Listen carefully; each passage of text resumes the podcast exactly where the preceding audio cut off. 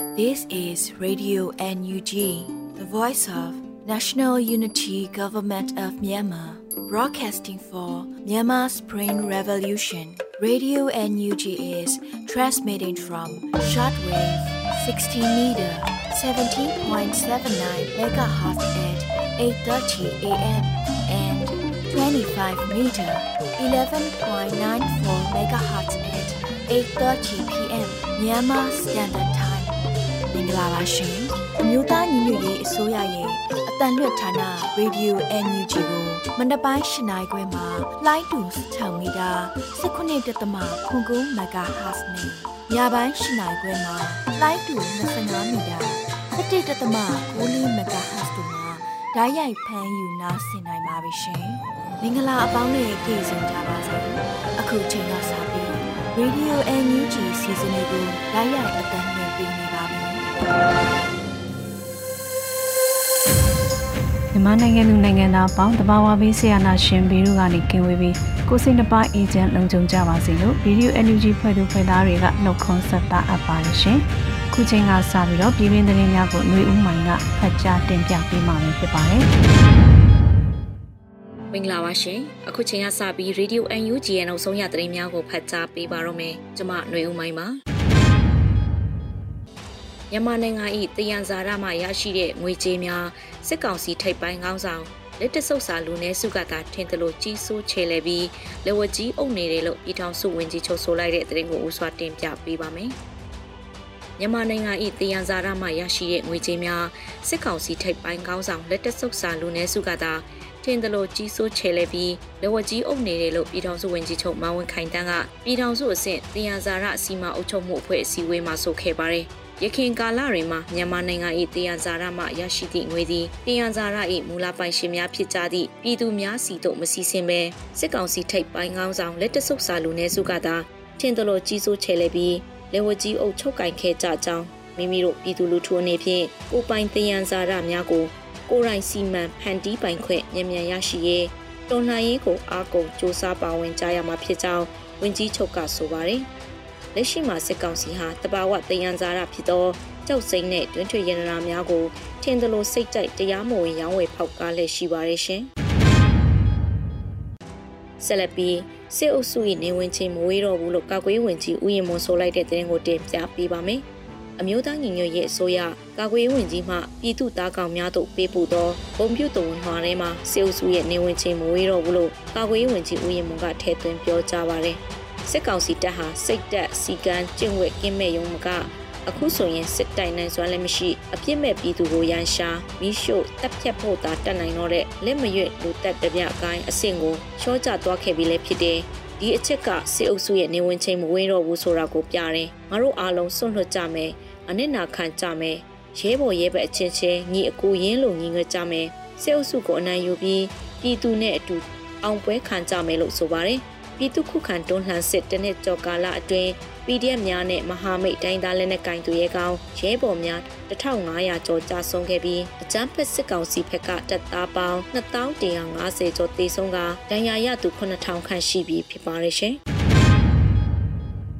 ဆက်လက်ပြီးမိုးပြေးတိုက်ပွဲ၄ရက်မြောက်နေ့အထိပြည်သူနေအိမ်အလုံးတရာထက်မနည်းပျက်စီးဆုံးရှုံးလာတဲ့သတင်းကိုတင်ပြပေးပါမယ်။မိုးပြေးတိုက်ပွဲ၄ရက်မြောက်နေ့အထိအကြမ်းဖက်စစ်တပ်ပစ်ခတ်မှုကြောင့် ပြည်သူနေအိမ်အလုံးတရာထက်မနည်းပျက်စီးဆုံးရှုံးလာခဲ့ကြောင်းကိုစက်တင်ဘာ12ရက်နေ့မှာ PKPF သတင်းနဲ့ပြန်ကြားရေးဗျူရိုကဖော်ပြပြီးပေးပါတယ်။ယမန်နေ့ညတရက်အတွင်းမိုးပြဲတိုက်ပွဲအကြမ်းဖက်စစ်ကောင်စီလက်နက်ကြီးရန်တမ်းပစ်ခတ်မှုကြောင့်ပွဲကုန်း1 2 3ရက်ွက်နေအိမ်အလုံး40ထက်မနည်းလက်နက်ကြီးထိမှန်ပြီးပျက်စီးသွားခဲ့ပါတယ်။နေ့ရက်တွင်တိုက်ပွဲပြင်းထန်မှုကြောင့်နေအိမ်အလုံး100ထက်မနည်းပျက်စီးနေပြီဖြစ်ပါတယ်လို့ဆိုပါတယ်။ယနေ့9ရက်မြောက်အခြေအနေရှိနေပြီး စစ်ကောင်စီများဖျားเจ้าတွင်တက်ဆက်ဆွဲနေသည့်အတွက်ပြည်သူများဘိုးပြေဖေခုံလန်းအသွာလာမပြုတ်လို့သေးပါရန်မြစ်တာရက်ခံအပ်ပါတယ်လို့အသိပေးကြေညာထားပါတယ်ရှင်။ဆက်လက်ပြီးလွိုင်ကော်မြို့အထက်ကရန်တာယာလန်းဆောင်အနီးတစ်ဝိုက်တွင်ဖက်စစ်စစ်တပ်နှင့်တုံလှိုင်းတပ်ဖွဲ့များထိတွေ့တိုက်ပွဲဖြစ်ပွားတဲ့တဲ့ရင်ကိုတင်ပြပေးပါမယ်။ ကရင်နီဒေသလွိုင်ကော်မြို့အထက်ကရန်တာယာလန်းဆောင်အနီးတစ်ဝိုက်တွင်ဖစ်စစ်စစ်တပ်နဲ့တော်လှန်ရေးတပ်ဖွဲ့များထိတွေ့တိုက်ပွဲဖြစ်ပွားနေတယ်လို့သိရရှိပါတယ်စက်တင်ဘာ12ရက်မနက်9:00နာရီချိန်မှစတင်ကနှစ်ဖက်ပစ်ခတ်တိုက်ခိုက်နေတယ်လို့ KNDF B02 ကအသိပေးဆိုပါတယ်။ ယနေ့မနက်ပိုင်းစတင်၍ယခုအချိန်ထိလွိုင်ကော်မြို့အထက်တယန်းတာယာလမ်းဆောင်အနီးတစ်ဝိုက်တွင်ဟစ်စစ်စစ်တပ်နှင့်မိမိတို့တော်လှန်တပ်များထိတွေ့မှုဖြစ်ပွားနေပါတယ်လို့ဆိုပါတယ်။တို့ဖြစ်၍မိဘပြည်သူများအနေဖြင့်တယန်းတာယာသို့ဖြတ်တော်လမ်းမကြီးနှင့်လမ်းများကိုအသုံးမပြုကြသေးရန်နှင့်တိုက်ပွဲအတွင်သတင်းများကိုနားဆွင့်ကြရန် KNDF B02 ကဆိုထားပါတယ်ရှင်။ဆက်လက်ပြီးလမ်းစီတင်ဝန်ထမ်းများတရားမဝင်အာဏာသိမ်းစစ်ကောင်စီလက်အောက်တွင် ရာထူးတာဝန်များမှနှုတ်ထွက်အလင်းဝင်ကြရန်ရေစကြိုပအဖကြီးညာတဲ့သတင်းကိုတင်ပြပေးပါမယ်။နန်းစီဒီရဲ့ဝန်ထမ်းများတရားမဝင်အာဏာသိမ်းစစ်ကောင်စီလက်အောက်တွင်ဆက်လက်တာဝန်ထမ်းဆောင်ခြင်းမပြုလုပ်ဘဲရာထူးတာဝန်များမှနှုတ်ထွက်အလင်းဝင်ကြရန်ရေစကြိုပအဖကစက်တင်ဘာလ12ရက်နေ့မှာကြေညာချက်အမှတ်နဲ့ရင်းဆောင်2022ကိုအသိပေးကြေညာခဲ့ပါတယ်။ကျွန်ုပ်တို့မြို့နယ်ပြည်သူ့အုပ်ချုပ်ရေးအဖွဲ့သည် အမျိုးသားညီညွတ်ရေးအစိုးရလမ်းညွှန်ချက်မူဝါဒများနဲ့အညီပြည်သူ့အုပ်ချုပ်ရေးပြည်သူတရားစီရင်ရေးကိစ္စရပ်များအပါအဝင်ပြည်သူများအကျိုးရှိစေမည့်အစိုးရရန်ရာအရရက်ကိုအကောင့်ထဲပေါ်ဆောင်ရွက်လက်ရှိပါတယ်။ထို့ကြောင့်ယနေ့အချိန်ထိစစ်ကောင်စီရန်ရာလေးပတ်ရန်အတွက်စစ်ကောင်စီတောက်တိုင်များအဖြစ်တာဝန်ထမ်းဆောင်နေကြဆဲဖြစ်သောသက်ဆိုင်ရာဝန်ကြီးဌာနတည်တည်ရှိလမ်းစီတဲ့ဝန်ထမ်းများအနေဖြင့်တရားမဝင်အာဏာသိမ်းစစ်ကောင်စီလက်တွင် ဆက်လက်တာဝန်ထမ်းဆောင်ခြင်းမပြုလို့ပဲရာထူးတာဝန်များမှနှုတ်ထွက်အလင်းဝင်ကြရန်ဤအမိန့်ကြီးညာချက်ဖြင့်အတိပေးအပ်ပါတယ်လို့ဖော်ပြပါတယ်ဤအမိန့်ကြီးညာချက်ပါတိုင်းလိုက်နာဆောင်ရွက်ခြင်းမရှိပါကကျွန်ုပ်တို့မှလမ်းစီတဲ့ဝန်ထမ်းများအားစစ်ကောင်စီတောက်တိုင်လက်ကင်တုံများအဖြစ်တတ်မှတ်၍ရင်းထန်စွာအရေးယူဆောင်ရွက်သွားမယ်လို့လည်းဆိုထားပါတယ်ရှင်ဆလပီကြည်တောင်း campaign မှာတရုတ်ဆောင်ချစ်သူဝေမှဘတ်9000ထောက်ပံ့ကူညီတဲ့တရင်ကိုတင်ပြပေးပါမယ်။ ကြည်တောင်း campaign မှာတရုတ်ဆောင်ချစ်သူဝေမှဘတ်9000ထောက်ပံ့ကူညီခဲ့ကြောင်းကိုစစ်တင်ဘာ12ရက်နေ့မှာ University of Medicine 2 Student Committee ကအတည်ပြုဖော်ပြပါတယ်။ စမှတ်ရုပ်ရှင်မှတော်လှန်ငွေပူပေါင်းပါဝင်မှုဖြင့်ကျွန်တော်တို့ရဲ့ကြီးတောင်းကမ်ပိန်းတွင်အချစ်သူဝင်မှဗန်9000လာရောက်အားဖြစ်ပေးခဲ့ပါတယ်။အခုလိုထောက်ပံ့နိုင်အောင်စမှတ်ရုပ်ရှင်ကိုပြည်တွင်းပြည်ပမှအားပေးကြည့်ရှုခဲ့ကြတဲ့မိဘပြည်သူများနဲ့ရုပ်ရှင်အဖွဲ့သားများကိုကျွန်တော်တို့အကြောင်းသားသမဂ္ဂမှကျေးဇူးအထူးတင်ရှိပါတယ်လို့ဆိုပါတယ်။အားလုံးစုပေါင်းကြီးတောင်းကမ်ပိန်းမှာတဦးချင်းတစ်ဖွဲ့ချင်းအလိုက်ပါဝင်ပေးနေတဲ့အလှူရှင်မိဘပြည်သူတယောက်စီတိုင်းကိုကျေးဇူးတင်ဂုဏ်ပြုတယ်လို့လည်းကြေညာထားပါတယ်ရှင်။ ဆက်လက်ပြီးရွေဦးထီအမြင့်ဆုံးစုကြေးသိန်းတရာမှအနှိမ့်ဆုံးစုကြေးကျပ်သိန်းအထိထည့်သွင်းထားတဲ့သတင်းကိုတင်ပြပေးပါမယ်။ရွေဦးထီအမြင့်ဆုံးစုကြေးသိန်းတရာမှအနှိမ့်ဆုံးစုကြေးကျပ်သိန်းအထိထည့်သွင်းထားတယ်လို့စက်တင်ဘာလအတွင်းမှာရွေဦးထီမိသားစုကတရားဝင်အသိပေးဖော်ပြပါရတယ်။ရွေဦးထီစုကြေးတွေကတော့အထူးစုကျပ်သိန်းတရာကျပ်15သိန်းစုများကျပ်5သိန်းစုများကျပ်သိန်းစုများဖြစ်ပါတယ်။အယူကြည်ပေးနဲ့ထီထိုးကြမယ်လို့ဆိုပါတယ်။ ຫນွေဦးထီထိုးလိုပါကအောင်လန်လွင့်ချီຫນွေဦးထီလူမပါတော့လူမှုကွန်ရက်စာမျက်နှာကိုရှာဖွေ၍ Messenger မှတဆင့်ဆက်သွယ်ကထီထိုးကန်ဆန်းနိုင်မည်ဖြစ်ပါတယ်။ຫນွေဦးထီမိသားစုမှထီလက်မှတ်ရောင်းရငွေများကိုစီဒီယံဝန်ထမ်းအများစုကိုထောက်ပံ့နေရလဲဖြစ်ပါတယ်။အခုတင်ပြပေးခဲ့တဲ့သတင်းတွေကိုတော့ Radio NUG သတင်းထောက်မင်းမင်းကပေးပို့ထားတာဖြစ်ပါတယ်ရှင်။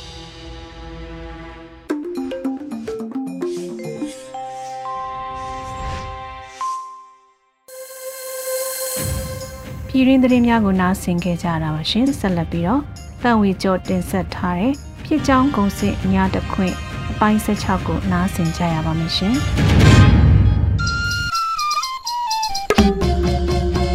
အညာတခွင့်အဖြစ်ကြောင်းကုံစစ်ပြောပြရရင်အာနာရှင်တော်လည်းရင်အမြင့်ဖြုတ်ဖို့မြင်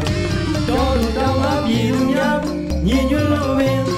ပတ်စစ်တော်လည်းရထပါလိမ့်မယ်တင် ဖက်ဒရယ်ပြည်အောင်စုရဲ့ရှိလေးဖက်ဒရယ်ယူနစ်စနစ်တစ်ခုပေါ်ပေါက်လာမှဒီကံလွယ်ပင်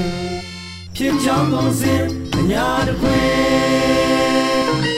အညာမြေရဲ့ဖြစ်ရင်တနစ်ဆောင်ကိုအားရပါရဖောက်တယ်ချရမယ့်ချင်းကိုရောက်ရှိလို့လာခဲ့ပြန်ပါပြီတော့ကျုပ်တို့ရဲ့အညာဟာအပြန်လက်မှတ်မပါတဲ့တော်လန်ရေးခရီးကိုတဲ့တဲ့ရှောက်နေခဲ့တာတစ်နှစ်ကျော်လာခဲ့ပါပြီတော့ အသက်သွေးတွေပေးဆက်စရေးပြီးခင်းခဲ့ရတဲ့လမ်းတော်လှန်ရေးရဲဘော်တွေရဲ့အယိုးနဲ့ခင်းပြီးနင်းခဲ့ရတဲ့ခရီးမို့တိုက်ကိုတန်မိုးကြီးပါတယ်တော့ဒီခရီးဒီလမ်းဟာနိုင်လွန်ကတရာခင်းကွန်ကရစ်မိုင်တိုင်တွေပြထားတဲ့ ready made လမ်းလည်းမဟုတ်သမို့ကို့ဘာသာခောက်ထွင်ရှင်းလင်းအားထောက်ရတာလဲအစ်စ်ပါပါသေးတော့သူ့ကိုမသိကို့သူမသိနဲ့ ဖက်စစ်စစ်တပ်ရဲ့မတရားမှုတွေကိုတော်လှန်ခြင်းလို့ရရဆွဲကင်တော်လှန်ရာကနေအခုအချိန်မှာတပ်ပေါင်းစုညီညွတ်ရေးတိဆောက်ဖို့ကြိုးပမ်းနေကြချိန်မို့တော်လှန်ရေးခရီးပေါ်ချင်းချင်းတွန်းမိတိုက်မိတာမျိုးကိုသဘောသေးသေးဝါသနာဝတိရွဲ့ပြီးရှောမွေးကလေးဘာရနတိချဲ့နေရမှာမဟုတ်ပါဘူးတော့ဆွေးနွေးညှိနှိုင်းခြင်းဆိုတဲ့နီးတွေနဲ့ပဲအချင်းချင်းရေလိုလလိုအဖြေရှာကြပါလို့ သက်ဆိုင်ရာတာဝန်ရှိသူတွေကိုတိုက်တွန်းလိုက်ရပါတော့ဒီတစ်ပတ်အညာတစ်ခွင်မှာတော့အညာသူမတွေလို့ချစ်စနိုးခေါ်ကြတဲ့အညာအမျိုးသမီးတွေရဲ့စွမ်းရည်အကြောင်းကိုဂုံယူဝင့်ကြွားခြင်းပါတယ်တော့အညာသူမတွေဟာဘယ်တုန်းကမှသွေးမနေကြပါဘူးတော့ຫນွေဦးတော်လန်ရင်အစမှာပဲအသက်စတေးခဲ့ကြတဲ့အညာသူမလေးတွေဖြစ်တဲ့ဆရာမကြည်လင်အေး ကြော့နန္နာခိုင်နဲ့မတ်တင်စာဟိန်းတို့ကတက်တည်ပဲမဟုတ်ပါလားအညာတော်လန်ရေးဟာလက်နက်ကင်တော်လန်ရေးအဖြစ်အသွင်ပြောင်းပေါ်ပေါက်လာတော့လေအညာသူမတွေဟာမနေရခဲ့ကြပါဘူးတော့ကြည်စံတွေလေချောင်းဖြစ်တွေကြားထဲမှာ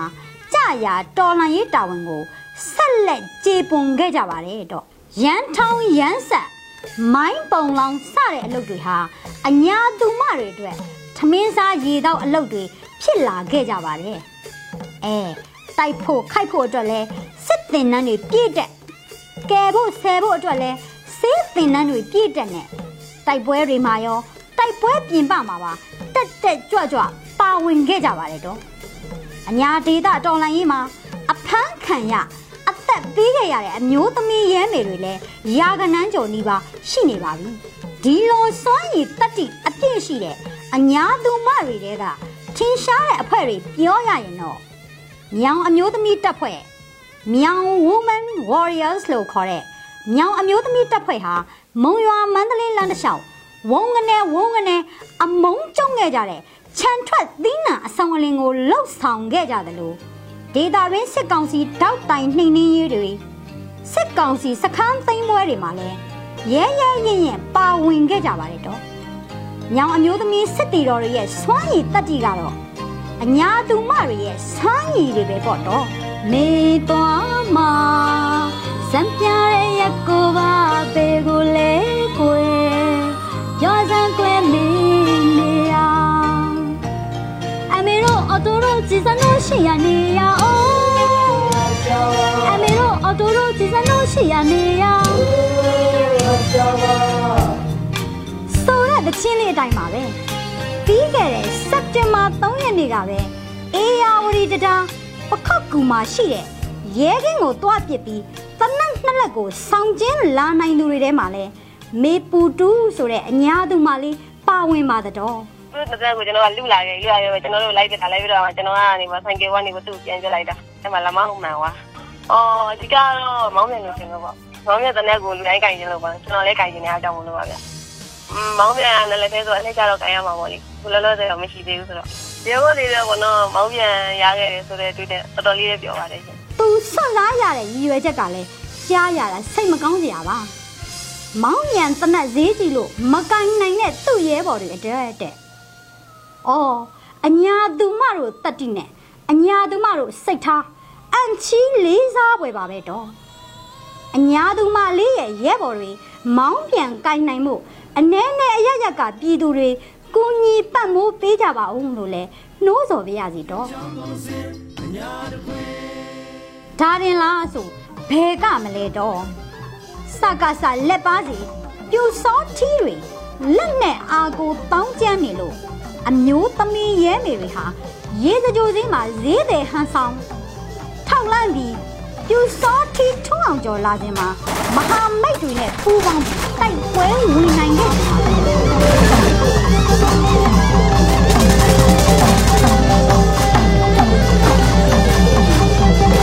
ပါဒါကလည်းလွန်ခဲ့တဲ့အပတ်ထဲကပဲဖြစ်ပြက်သွားတာမို့မကြသေးပါဘူးတော့ဒီလိုအညာသူမတွေရဲ့တိုက်ပွဲဝင်စိတ်ဓာတ်ဟာတကယ့်ကိုကြောက်စရာပါသားတဲ့အမေတက်ကြီးရွယ်အိုအတော်တွေမို့ တိုက်ပွဲမဝင်နိုင်ပေမဲ့တိုက်ပွဲဝင်စိတ်ဓာတ်အပြည့်နဲ့ကိုအမျက်တနိုးတန်မိုးထားတဲ့လက်ဝဲတစားတွေကိုချွတ်ပြီးမောင်းပြန်ဖို့ကြည်ဖို့ပေးဆက်ခဲ့တာတွေလဲအညာသူမတွေလည်းမဟုတ်ပါလားတော့ဝက်လက်မှာလဲသမီးဖြစ်သူဆေးတက်ဖွဲ့ဝင်တိုက်ပွဲမှာကြဆုံးသွားတော့ငါသမီးတောင်ဝင်ကိုအမေဆက်ထမ်းမယ်ဆိုပြီးတနတ်ကိုလွဲစစ်တင်နန်းတက်ခဲ့တဲ့အာဇာနည်မိခင်တွေလည်းပေါ်ထွန်းခဲ့တာ ဂုံယူစရာကြက်တီးချစရာပါတော့မြောင်ပခောက်ကူရေစကြိုရင်ကယိုးလာတော့တပရင်ကလေးကတာကောလင်းနဲ့ကနီမင်းခင်ရင်းမပင်ပလဲမုံရွာရွှေဘိုရေဦးတစဲဗုဒ္ဓလင်မြင်းမူတကြောကအညာသူမတွေအားလုံးဟာအညာသွေးဟဲ့ရဲတယ်ဆိုတဲ့စိတ်ထားနဲ့ စစ်ကြုံမခံဆက်လက်တွန်းလှန်နေကြတာအားလုံးအမြင်နဲ့မဟုတ်လားဒီတစ်ပတ်ရဲ့အညာဒေတာမှာတိုက်ပွဲတွေကတော့ဖြစ်မြဲဓမ္မတာပါပဲစစ်ကောင်စီထိုးစစ်ကြောင်ထွက်ပြေးနေရတဲ့သူတွေတိုက်ပွဲမှာကြဆုံးခဲ့ကြရတဲ့ရဲဘော်တွေစကားဆရဲ့လူရဲ့မရင်းကျင်တပ်ဖြတ်မှုကြောင့်သေဆုံးခဲ့ရတဲ့အပြစ်မဲ့အရက်သားတွေနဲ့အညမျက်ရည်ဟာလဲကျွေကြသေးပါပဲတော့ မင်းတို့စစ်အုပ်ထုပ်ကိုဟာရီရှုံးဝဖက်နဲ့အပြတ်တီးပြတာမှတ်ထားဆိုပြီးနာနာကြီးကြီးဥရန်ကျူးရင်နေတဲ့ဇကိုင်း PDF လေးရဲ့ဇကားနဲ့ပဲဒီတစ်ပတ်ဖြစ်ကြောင်းကုန်စီအများတခွင်ကဏ္ဍကိုနှိကုံးထုတ်တင်ပါတယ်တော့ညာဖတ်တဲ့အောင်ရဖြစ်ကြောင်းကုန်စ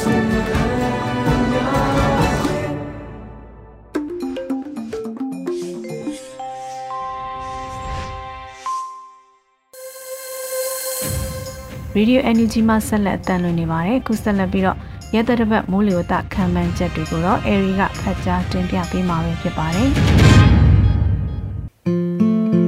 2022ခုနှစ်စက်တင်ဘာလ12ရက်နေ့ကနေ18ရက်နေ့အထိမိုးလေဝသအခြေအနေခန့်မှန်းချက်တွေကိုတင်ပြပေးပါမယ်။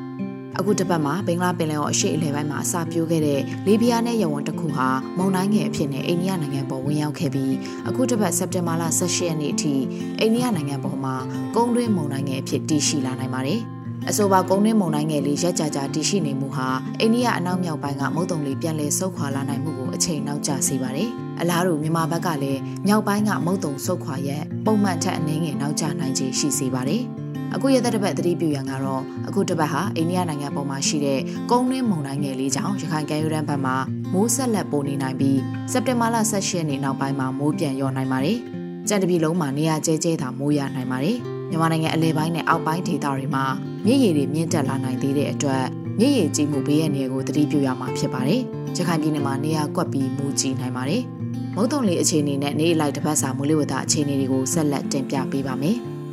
စက်တင်ဘာလ12ရက်နေ့အတွက်ခံမှန်းချက်ကတော့မြန်မာနိုင်ငံအထက်ပိုင်းနဲ့အလယ်ပိုင်းတို့မှာတောင်လေတွေတိုက်ခတ်နိုင်ပြီးတောင်ပိုင်းမှာအနောက်တောင်လေတွေတိုက်ခတ်နေနိုင်ပါတယ်။မုတ်တုံလေအခြေအနေကတော့ဘင်္ဂလားပင်လယ်ော်အနောက်မြောက်ပိုင်းမှာဖြစ်ပေါ်ခဲ့တဲ့မုန်တိုင်းငယ်တစ်ခုဟာအိန္ဒိယကုန်းဘက်ကိုတက်ရောက်ခဲ့ပြီးကုန်းတွင်းမုန်တိုင်းငယ်အဖြစ်နဲ့အနောက်ဘက်ကိုဆက်လက်ရွေ့ရှားနိုင်ပါတယ်။ ဘင်္ဂလားပင်လယ်ော်မြောက်ပိုင်းမှာမုတ်တုံလေအားကောင်းနိုင်ပြီးကြံဘင်္ဂလားပင်လယ်ော်နဲ့ကပလီပင်လယ်ပြင်တို့မှာမုတ်တုံလေအားအသင့်တင်ရှိနိုင်ပါတယ်။မိုးအခြေအနေကတော့စကိုင်းတိုင်းကချင်ပြည်နယ်ရှမ်းပြည်နယ်ကယားပြည်နယ်နဲ့တနင်္သာရီတိုင်းတို့မှာနေရာစိတ်စိတ်ချင်းပြည်နယ်ရခိုင်ပြည်နယ်ရန်ကုန်တိုင်းကရင်ပြည်နယ်နဲ့မွန်ပြည်နယ်တို့မှာနေရာကျဲကျဲမိုးရွာနိုင်ပြီးကြံဒေသတွေမှာနေရာကွက်ကြားမိုးရွာနိုင်ပါတယ်။မြမပင်လယ်ပြင်မှာတောင်အနောက်တောင်ဘက်ကလေဟာတနအီကို10မိုင်ကနေ15မိုင်ထိတိုက်ခတ်နိုင်ပြီးလိုင်းအသင့်တင်ရှိနိုင်ပါတယ်။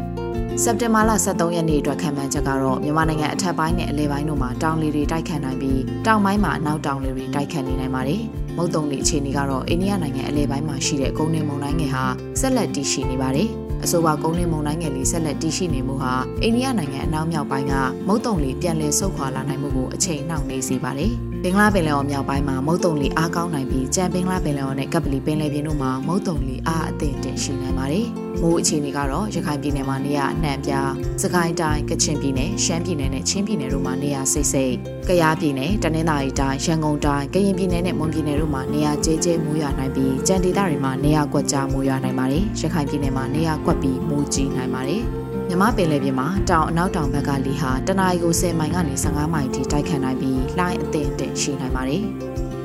စက်တင်ဘာလ14ရက်နေ့အတွက်ခံမှန်းချက်ကတော့မြန်မာနိုင်ငံအထက်ပိုင်းနဲ့အလယ်ပိုင်းတို့မှာတောင်လေတွေတိုက်ခတ်နိုင်ပြီးတောင်ပိုင်းမှာနောက်တောင်လေတွေတိုက်ခတ်နေနိုင်ပါတယ်။မုတ်တုံလေအခြေအနေကတော့အိန္ဒိယနိုင်ငံအလယ်ပိုင်းမှာရှိတဲ့ကုန်းတွင်းမုန်တိုင်းငယ်ဟာဆက်လက်တည်ရှိနေပါတယ်။အဆိုပါကုန်းတွင်းမုန်တိုင်းငယ်လေးဆက်လက်တည်ရှိနေမှုဟာအိန္ဒိယနိုင်ငံအနောက်မြောက်ပိုင်းကမုတ်တုံလေပြန်လည်ဆုတ်ခွာလာနိုင်မှုကိုအချိန်နှောင့်နှေးစေပါတယ်။ဘင်္ဂလားပင်လယ်အော်မြောက်ပိုင်းမှာမုတ်တုံလေအားကောင်းနိုင်ပြီးကြံဘင်္ဂလားပင်လယ်အော်နဲ့ကပ်ပလီပင်လယ်ပြင်တို့မှာမုတ်တုံလေအားအသင့်တင်ရှိနိုင်ပါတယ်။ မိုးအခြေအနေကတော့ရခိုင်ပြည်နယ်မှာနေရာစိတ်စိတ်စကိုင်းတိုင်းကချင်ပြည်နယ်ရှမ်းပြည်နယ်ချင်းပြည်နယ်ရန်ကုန်တိုင်းကရင်ပြည်နယ်နဲ့မွန်ပြည်နယ်တို့မှာနေရာကျဲကျဲမိုးရွာနိုင်ပြီးကြံဒေသတွေမှာနေရာကွက်ကြားမိုးရွာနိုင်ပါတယ်ရခိုင်ပြည်နယ်မှာနေရာကွက်ပြီးမိုးကြီးနိုင်ပါတယ်မြမပင်လယ်ပြင်မှာတောင်အနောက်တောင်ဘက်ကလေဟာတနအီကို10မိုင်ကနေ15မိုင်ထိတိုက်ခတ်နိုင်ပြီးလှိုင်းအသင့်တက်ရှိနိုင်ပါတယ်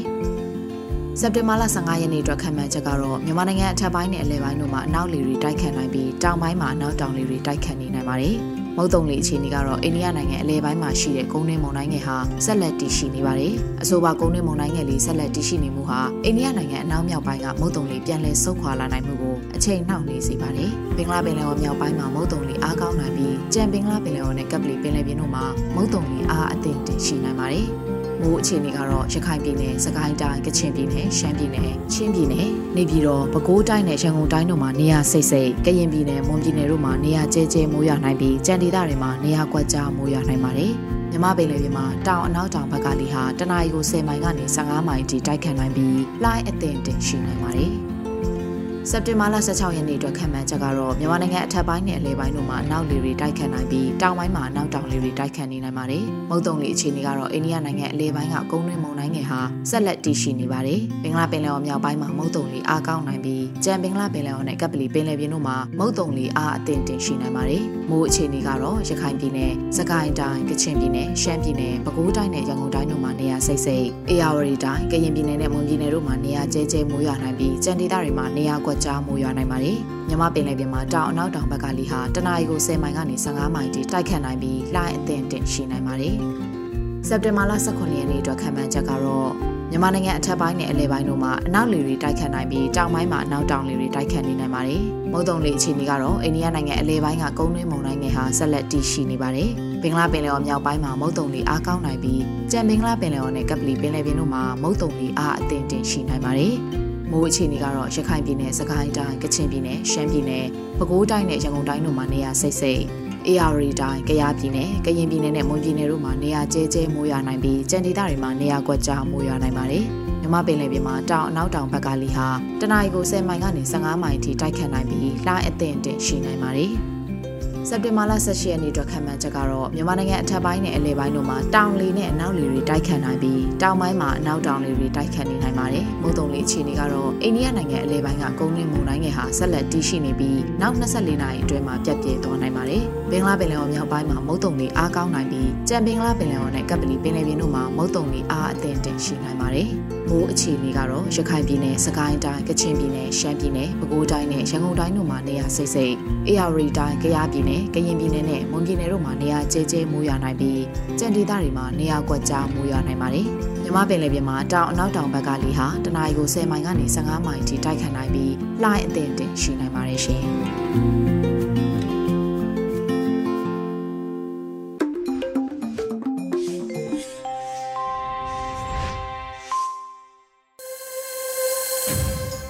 ခုဆက်လက်ပြီးတိုင်းသားဘာသာစကားထုတ်လွှင့်မှုအစီအစဉ်မှာတော့စကောကင်ဘာသာနဲ့ပတ်စင်တဲ့များကိုနှွန်နွေဦးပွင့်ကတင်ပြပေးမှာဖြစ်ပါတယ်ရှင်။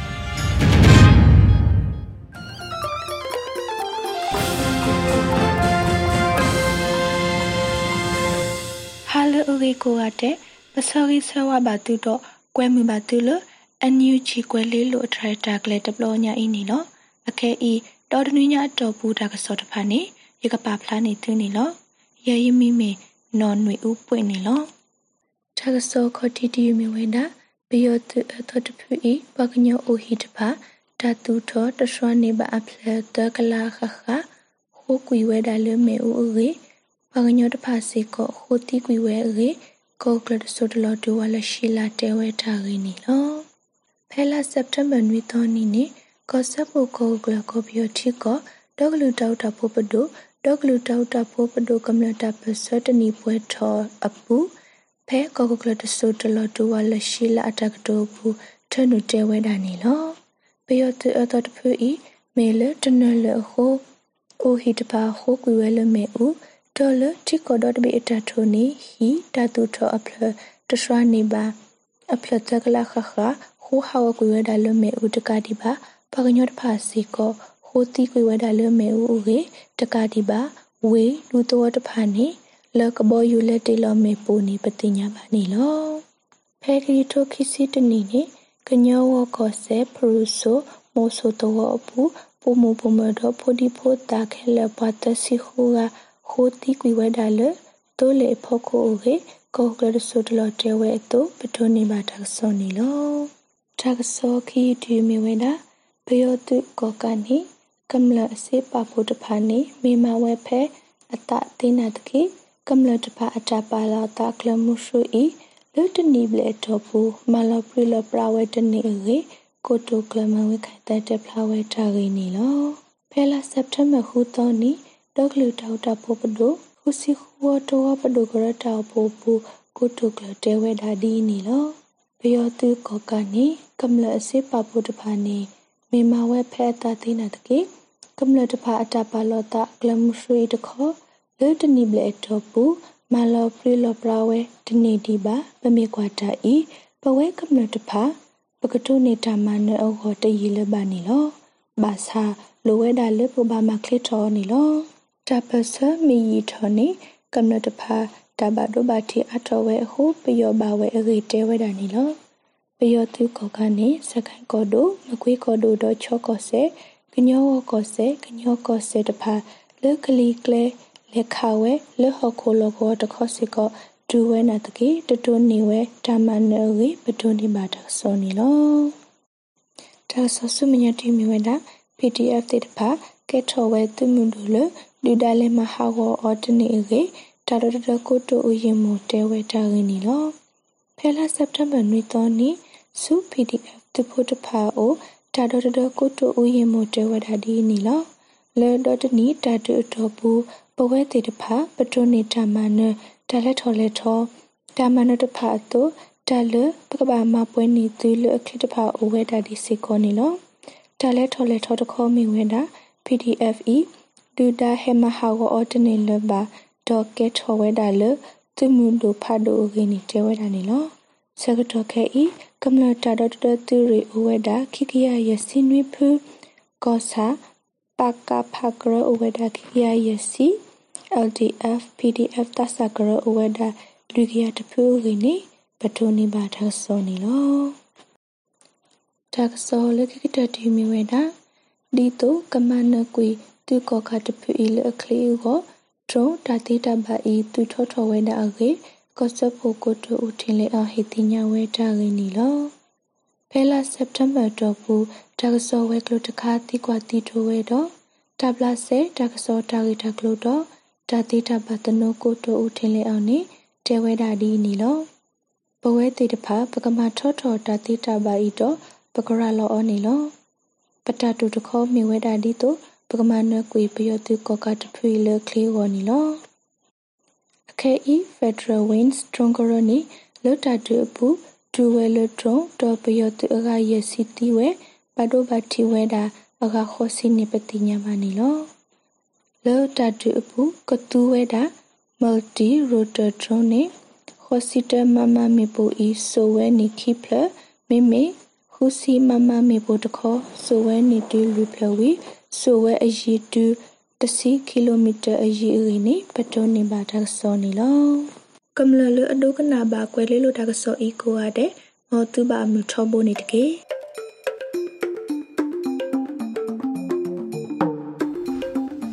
ကနေ့ကတော့ဒီညနေပဲ Radio NUG ရဲ့အစီအစဉ်လေးကိုခေတ္တရ延လိုက်ပါမယ်ရှင်မြန်မာစံတော်ချိန်မနေ့၈နိုင်ခွဲနဲ့ည၈နိုင်ခွဲအချိန်တွေမှာပြောင်းလဲဆိုပြကြပါလို့ရှင်